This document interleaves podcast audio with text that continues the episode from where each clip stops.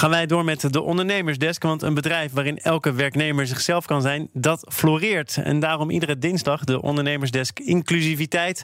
Vandaag aan de top van het bedrijf. En dan moet je ook streven naar inclusiviteit. Adnan Bassaran is naast de recruiter ook adviseur op het thema. Connor Klerks ging met hem om tafel. Meneer Bassaran, inclusief beleid moet volgens u vanuit de top komen. Waarom is dat? Omdat ik zelf door de jaren heen heb gemerkt dat uh, heel veel bedrijven het vanuit onderen doen. En ik denk als je echt binding wil krijgen hè, met, met de onderste groepen en vast kunt houden, dat je ook een bepaald beleid vanuit bovenaf moet bepalen. Uh, het is ook een soort voorbeeldgedrag.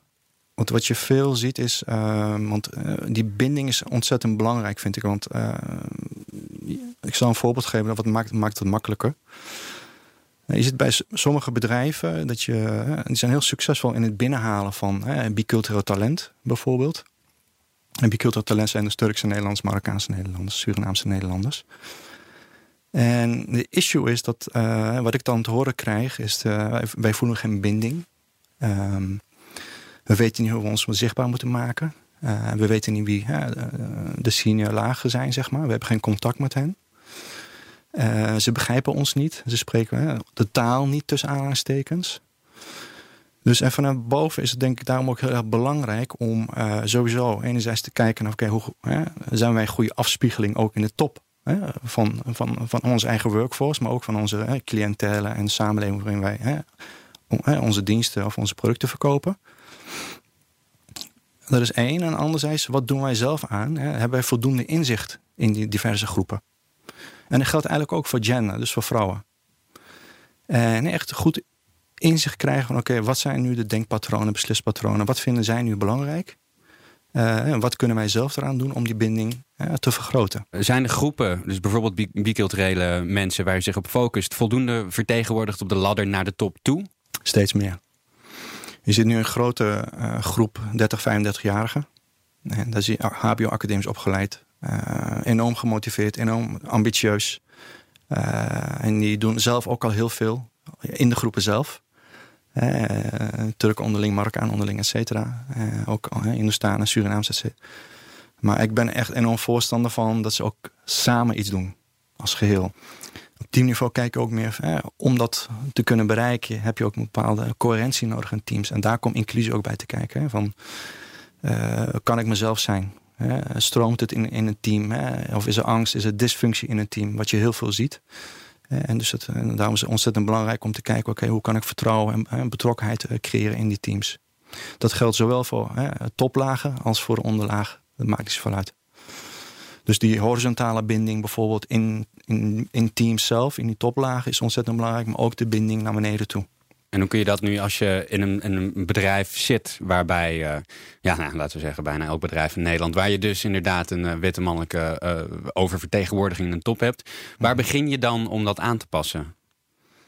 Ik denk zo, zo er gebeurt al bottom-up heel veel, hè, dus op startersniveau. je ziet dat in universiteiten al de bedrijven heel veel gericht zoeken ook al, wat heel goed is. En, en maar ook top-down. Ik denk twee kanten op. Ja. En vooral uh, de talenten die je hebt met een biculturele achtergrond, maar ook vrouwen of uh, mannen, whatever. Zorg uh, voor retentie, zorg voor goed doorstroombeleid. leid ze op. wat ik al zei, leer ze ook hoe ze hun carrière moeten navigeren. Hoe ze taal leren spreken tussen aanhalingstekens van de top. Uh, maar respecteer ook de cultuur. Hè. Ze hebben ook een eigen, natuurlijk, hè. als je moslim bent, heb je natuurlijk ook wel een bepaalde normen, waarden die je ook meeneemt naar zo'n organisatie. En dat vergt ook weer een, aanpassings, uh, een aanpassing van, uh, van beide groepen ook eigenlijk. Moet de taal van de top niet ook anders? Ja, de taal van de top al wel anders wordt. Ook, ook door de verandering van de technologie, denk ik. En de taal van de top Ehm, denk ik ook, ja, dat is wel een goed punt. Ehm, als je de groepen wil, hè, vooral de groepen die nu aankomen, uh, wil binden aan je. Uh, want het wordt alleen maar moeilijker om hè, de talenten te vinden. Want ze hebben veel meer keus. Dus bedrijven moeten veel harder werken om sowieso hè, aantrekkelijk te zijn voor die talenten. Uh, maar het wordt, om dit, dus je moet de taal inderdaad ook een beetje gaan aanpassen aan die groepen ook. Om ze te kunnen binden. En vooral ook om ze vast te kunnen houden en door te laten stromen. Ja, en ook in... En die, taal, en die taal gaat sowieso wel veranderen. Want die, door, die, door de verkleuring door, hè, uh, van, van die groepen, van de eigen generatie en wat er allemaal aankomt, uh, zal de taal sowieso wel veranderen. Connor Klerks in gesprek met Adnan Bassaran, recruiter en adviseur op het gebied van inclusief bestuur.